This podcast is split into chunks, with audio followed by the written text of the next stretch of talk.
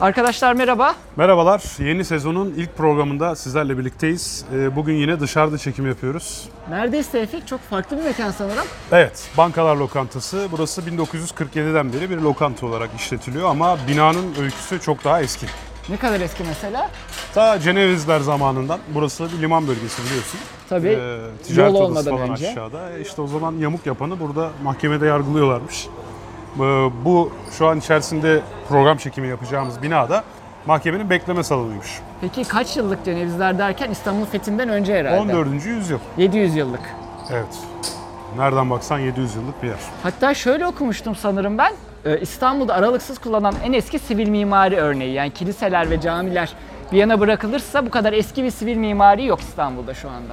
Bu enteresan. Bak bu özelliği ben bilmiyordum. Yani sivil mimari derken en eski binadayız ve hala şu anda kullanılması, yaşam alanı olması da güzel bir özellik bence buranın. Peki bugün ne konuşacağız? Konsepte uygun bir şeyler konuşacağız Aynen aslında. steampunk konuşacağız. Evet, steampunk konuşacağız. O halde içeriye girelim ve konumuza başlayalım.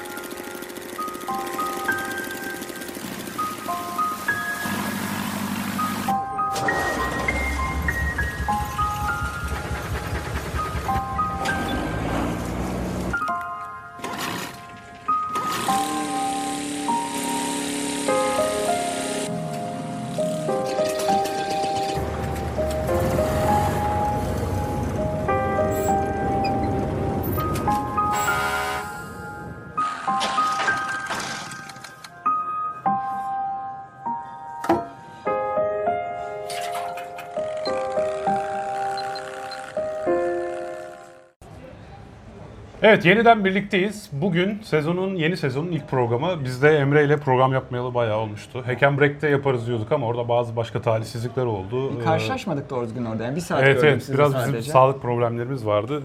Ee, sıkıntılı bir süreç oldu ama neyse kısmet bugüneymiş. Bugün Steampunk konuşacağız. Az önce de bir video izlediniz. Videonun özelliği müthiş video Muhteşem ya? ya özellikle o kredi kartı sahnesinde ben gülmekten öldüm ya patlayacak alet falan diye. Şey böyle e, bitiyor. Aa bir dakika yağ bitmiş. Aynen, Biraz yağ yağ bitmiş. ekleyeyim. El kadar yani o çok güzeldi o nokta. Ama tabii onun bir şey aslında parodi olduğunu göz önünde bulundurmak lazım. Çünkü elektrik sistemi olmazsa aslında kredi kartı postu da olmaz. O post için dijital sistemler İşte ama şart. Analog bilgisayar demiş ya her şeyin mantığı analog yani elektrik yok. Elektrik yoksa buhar türbininden. O yüzden sürekli ufacık kazanlar yapmış. İşte ufacık kazanların ufacık borularını yapmış. Sürekli yani bir türbinler, sürekli bir böyle gaz yağı ekleme, benzin ekleme. Yani zaten olayın mantığı o değil mi steampunk'ta? Öyle de mesela dijital kart yani kredi kartıyla yaptığın harcama verisini analog olarak nasıl kaydedebilirsin? Şey, e, küçücük Delikli kartlarla falan Aynen delikli kartlara. İşte o zaman o da böyle yani kart sokup şifre girdiğim bir şey olması. Ya o bir parodi. parodi. Ama e, steampunk'ın özelliği şey değil mi zaten abi? Aslında tamamen görselliğe odaklı bir böyle bir bilim kurgusal mantık değil de o bir alternatif tarih. Yani bilim kurgu genelde bize geleceğe hani gelecekte farklı teknolojilerin e, sosyolojiyle olan etkileşimini izletir ama steampunk'ın özelliği bir alternatif tarih olması. Yani doğduğu dönem zaten e, Victorian dönemi. Böyle mekanik, makine mühendisliği, İskoç mühendislerin böyle harikalar yarattığı dönemde. Her şey mekanikle halledilebiliyor. Aynen. Onun biraz böyle uzatılmış hali gibi. Ama mu- gerçekten yani muhteşem o zaman isimler var onu da bir anmak istiyorum. Eisenborg Kingdom Brunel diye bir İngiliz mühendis var. Muhteşem bir insan. Çok güzel köprüleri var. İngiltere bir yani nehirler ülkesi olduğu için o nehirler üzerinden çelik konstrüksiyonlu köprüler ve Great Eastern. Bunu yayında da geçeriz muhtemelen. Great Eastern 1858 yılında suya indirilmiş bir gemi ve özelliğinden bahsetmek istiyorum size. Ortalama İngiltere filosundaki ya da dünyanın herhangi bir filosundaki gemiler o tarihte 45-50 metreydi. Buhar türbinli gemiler dahi yavaş yavaş geçirmeye başlanmıştı çelik konstrüksiyona. Great Eastern 202 metreydi.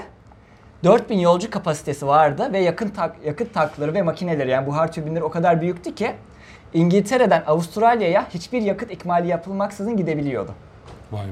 Great Eastern tabi işletme maliyeti çok yüksek olduğu için çok efektif kullanılamadı. 3-5 kere önce Avustralya'ya gitti. Sonra Kuzey Amerika'ya gitmeye başladı ama yani işletme maliyeti ne bileyim yolcu memnuniyetsizlikleri O da falan. fantezi. Concorde gibi. Biliyorsun Concorde'da Concorde, aynen öyle. ses hızını aşan bir uçak ama işletme maliyetleri bir süre sonra o kadar yükseliyor ki artık. Bilet zaten 8 bin dolar oluyor. Özel uçak parası neredeyse. O yüzden Yani. batıyor Concorde. Yani. Kaza olmuştu en son 2000 yılında. O kaza işi şeyi, hikaye. Son yani noktası. o kaza Concorde'un bir özelliği değil. Önce önceki kalkan uçaktan düşen bir parça pistte. FOD diyoruz ona. Yamaha diyoruz. Yabancı madde Yamaha. hasarı. Ya o bir yabancı madde hasarı sonucu olmuştu da. Ee, şimdi steampunk'ı aslında tam bir tanımlamadık sanki. Onu tanımlayalım. Steampunk, öncelikle adı niye steampunk? İşin içinde buhar olduğu belli. Yani steam. Ama niye punk? Aslında punk değil. Yani o cyberpunk. Yani o siber gelişime bir protest akım olarak doğmuş olan edebiyat akımına isim benzerliği. isim Evet. benzesin diye böyle söyleniyor. Bu Punk 2 de 1980'lerde yani H.G. Wells'ler ne bileyim diğer e, Jules Verne'ler yazarken hadi biz steampunk yazıyoruz, hadi biz buhar makinalı bir gelecek düşünüyoruz diye yazmadılar. Onlar Onları döneminin tekrar- bilim Aynen. kurgularını yazdılar. Kendi bilim kurgusunu. Biz 1980'lerde onlar steampunk yazmış dedik. De biz bugün mesela H.G. Wells'in Zaman Makinesi filminde zaman makinesi bildiğin çarklardan, Aynen öyle. bir şey. oluşuyor. Türbinli. Steampunk'ı tanımlayan şey de bu. Yani tam olarak o az önce izlediğiniz parodi videoda olduğu gibi hakim olan tema mekanik. Yani çarklar, dişliler, kasnaklar, buhar makineleri. Çünkü güç hala, enerji hala bir şekilde yanma odasındaki patlamanın e, çarkları döndürmesiyle elde ediliyor. Ve e, bu dediğim gibi aslında sanatsal bir konsept ortaya çıkartıyor. Yani böyle metalik bir şeyler görme Aynen öyle. Zevki türbini sağlıyor. her yerde Evet, böyle her yerde. dumanlar. Mesela Şehirler puslu, Puslu. çünkü herkes kömür yakıyor. Hava kirli. Böyle şey bir ortam. Böyle Victorian çağı işte yani o 1900 yani 1880'lerin 1870'lerin İngiltere'si ve Wild Wild West. Mesela steampunk deyince ben en kolay örneği o şekilde verebilirim. Çoğu kişi yani Türk televizyonlarında da çok gösterildi. Wild Wild West filmi böyle Will Smith falan oynuyor. Onun da bir fragmanına bakarsanız ne demek istediğimizi anlarsınız. Böyle kocaman örümcek var mesela. mekanik. Mekanik, her şey mekanik. Şey Zeppelinler var. Ya mesela bak Zeppelin demişken sen de havacısın yani belki katılırsın bu dediğime. Bence Zeppelin başlı başına steampunk bir icat. Düşünsene yani o 300 dönemin metre. ilk hava aracı tabii ki. Yani onunla alakası var. Bir de kimyadan sadece Kimyadan. kimyasal özelliklerinden faydalanıyorsun. Yok steampunk derken geldiği mühendislik boyutuna şu anda uçan en yüksek, en büyük hava aracı Airbus A330 sanırım. A380. A380 pardon karıştırdım. Üç- e, 60 metre falan herhalde değil mi? Vallahi şu an Yani ezbere 60-70 konuşmayayım da. metre. Yani 800 kişilik falan bir uçak. Ama Az 60-70 çok metre. O kadardır. Eninde sonunda Hindenburg 300 metreydi. Evet. Hindenburg 300 metreydi yani. O kadar devasa bir şey ve hidrojen yüklü o kadar devasa bir şey. Yani ne kadar akıl almaz ama insanlar kazalar olana kadar, yüzlerce kaza olana kadar bunu uçurdular. Değil mi Evet. yani? Bu da çok akıl almaz bir olay Zeppelin çağı. Evet. Ya bugün balon olarak devam ediyor. Hala Zeppelin kullanılıyor bu arada reklam amaçlı vesaire falan filan Ama, ama, insansız herhalde. Yo insan operatörleri var. Tabii tabii. Aa. Yani onların pilot operatörleri var. Ha yani insansız da yapılabilir mi? Bugün ticari havacılıkta insansız operasyon yok. Deneysel olarak yapılabilir Anladım. ama parayla yolcu ya da yük taşıyorsan onu insansız uçuramıyorsun. Mutlaka bir pilot bulunmak zorunda da. Neyse bu da farklı bir konu zaten. Şimdi benim steampunk'la ilgili de benim ilk böyle steampunk'ın dikkatimi çekmesi şöyle. Daha kavramın adını bile bilmiyordum. Yıl herhalde işte 99-2000. Animatrix ne zaman çıkmıştı? O dönemlerde mi çıkmıştı? Olabilir.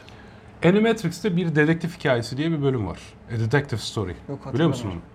Bakalım hemen. İşte orada şeyi fark etmiştim. Yani tamam adam adamın her tür teknolojisi var ama işte bilgisayar klavyesi hala o eski daktilo tuşlarından. İşte eee, böyle ekranlardan bir şeyleri takip edebiliyor ama ekranlar böyle bizim çocukluğumuzdaki televizyonlar gibi. Orada fark etmiştim. İlk steampunk konseptinin farkına orada varmıştım. Daha sonra işte herhalde o dönemde forumları takip ederken steampunk kavramıyla karşılaşmıştım. Ama tekrar söylüyorum hani steampunk bilim kurgu yazdım. Ya bilim kurgunun alt türü olarak anılıyor ama bence hani çoğunlukla görsel zevke hitap eden bana kalırsa Kesinlikle.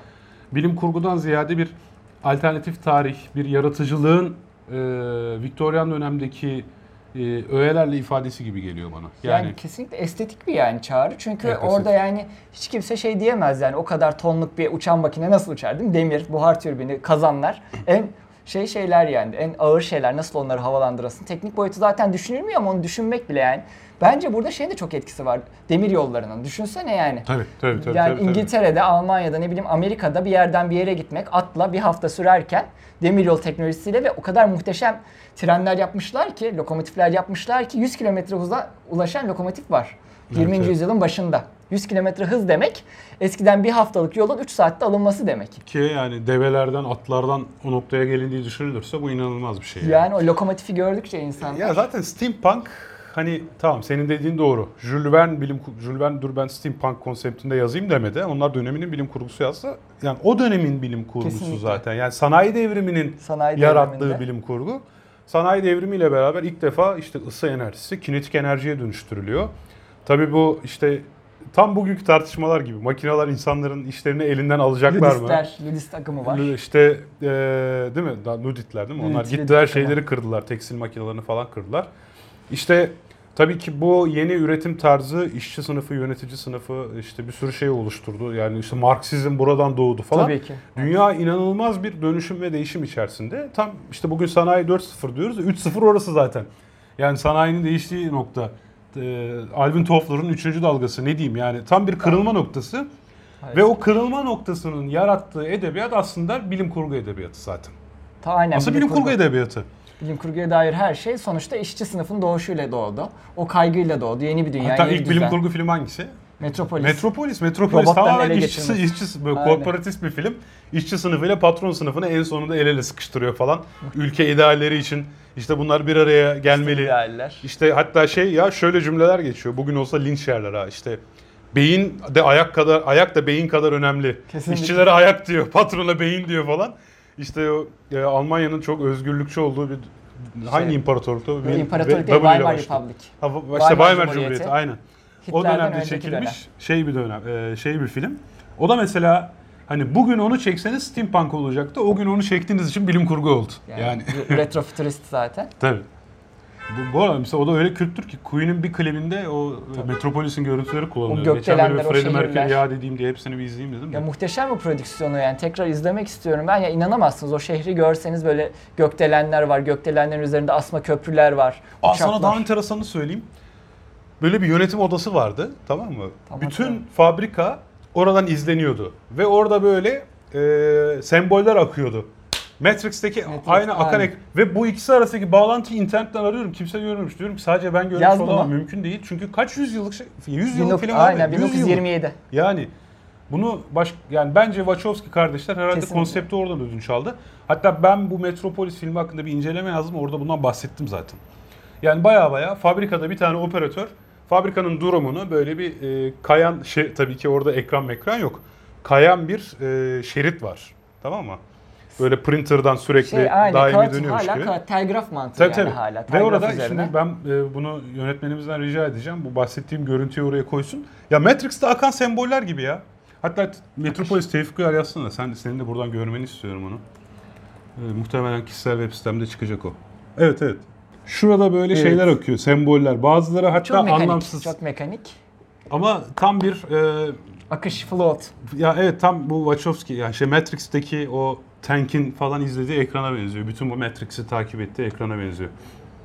Ya zaten bilim kurgu bence böyle öncüler üzerinden yani 1927'de bu Fritz Lang böyle yani muhteşem bir film çekmeseydi belki yani e, Asimov'lar şeyler yetişmeyecekti değil mi yani? Tabii. Asimov'lar, C. Clarke'lar yetişmeyecekti. Ya ilk Tam onlar çocukluğunda okudular robot bu. konsepti izlediler. var. Hatta kendi işte o Robot tam bir köle. kendi yapay zekasına sahip olan bir robottu o. Yani kendi bilinci ve şeyi vardı. Hep ama bunlar şey robotlar değil mi? Yani elektronik robotlar değil. Hala Evet. bunlar buhar robotları. Ama zaten o robot dediğimiz robotlar e, aslında 17. yüzyıldan beri var. Tabii otomatlar. Otomat Otomatlar. deniyor onlara. Ya burada otomata hareket gücü yani takat diyelim mühendislik terimiyle takatini bu kez bir buhar makinesinden alıyor.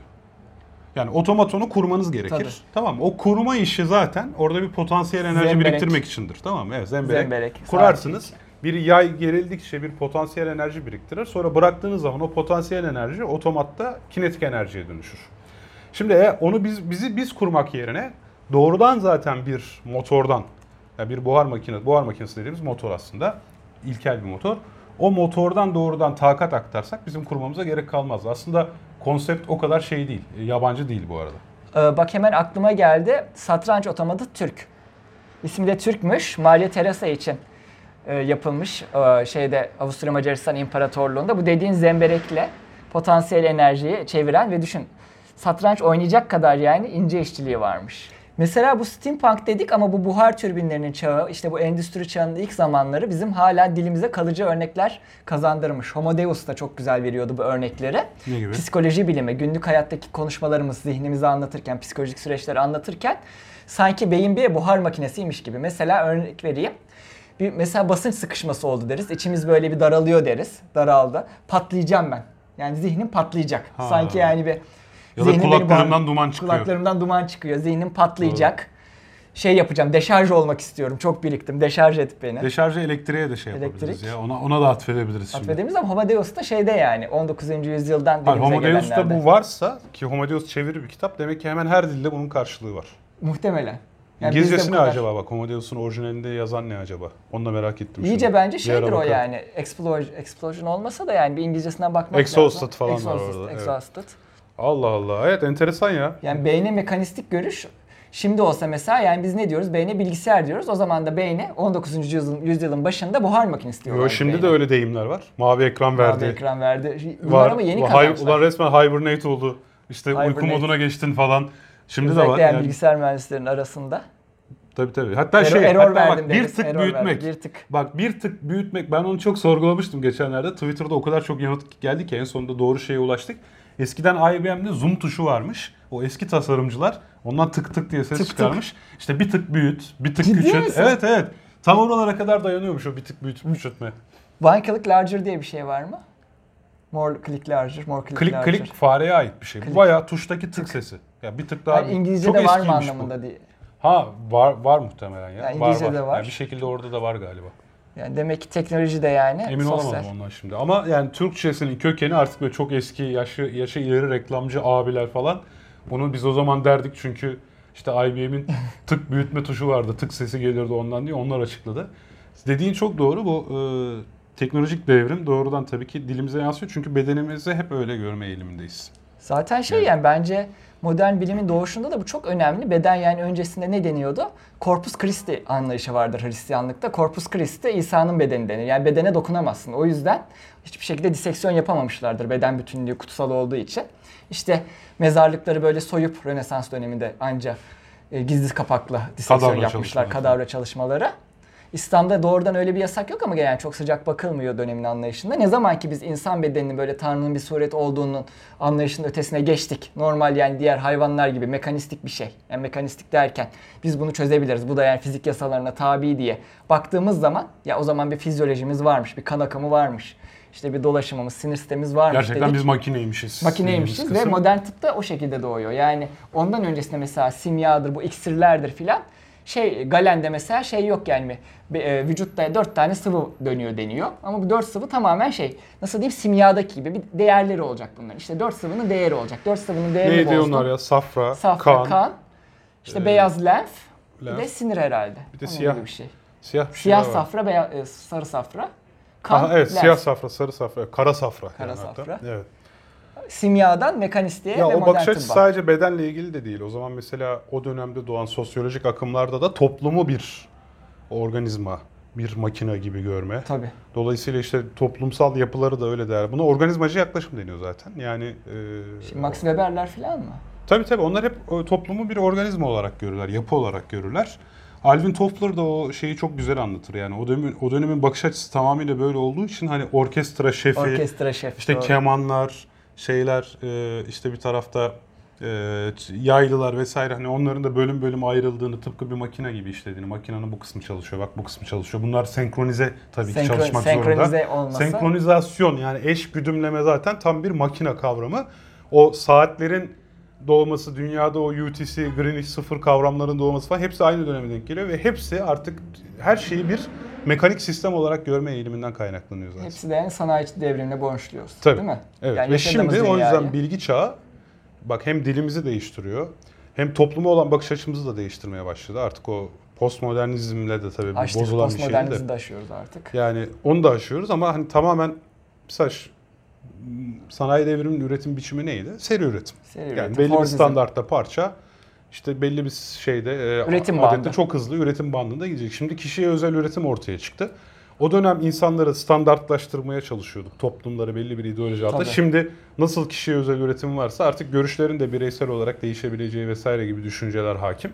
Aynen. Ee. Kimlik çatışmaları, mikromilliyetçilik, işte bu değişiyor. veganlık, Hepsi queer değişiyor. hareketler, mi? LGBT hareketi, veganlık. Ondan sonra ne sayılabilir bu yeni kimlikçiliğe mesela? Buna Bu e, şu şu dönemde Astroloji de 70'lerden var sonra doğan yani. bütün akımları e, koyabiliyorsun. İşte Hatta bunlar işte kimlik temelli siyaset New artık. Hatta. etnik ya da milli şey temelli siyaset terk ediliyor zaten. Artık kimlik eksenli bir siyaset, kimlik eksenli bir kültür, bakış açısı gelişmeye başlıyor ki bunu da internet mümkün kılıyor zaten. Yani Tabii. eş güdümleme değil, tam tersine ayrık olabilme ama bağlantıda kalabilme gibi konseptler var burada. ne kadar marjinal olursan ol bir yandaşını bir şeyini fikirdaşını bulabiliyorsun internet Bulabiliyorsun sayesinde. ya da yayabiliyorsun, Yayabiliyorsun, zaten. Yani ifade e, edebiliyorsun kendini. Aynen.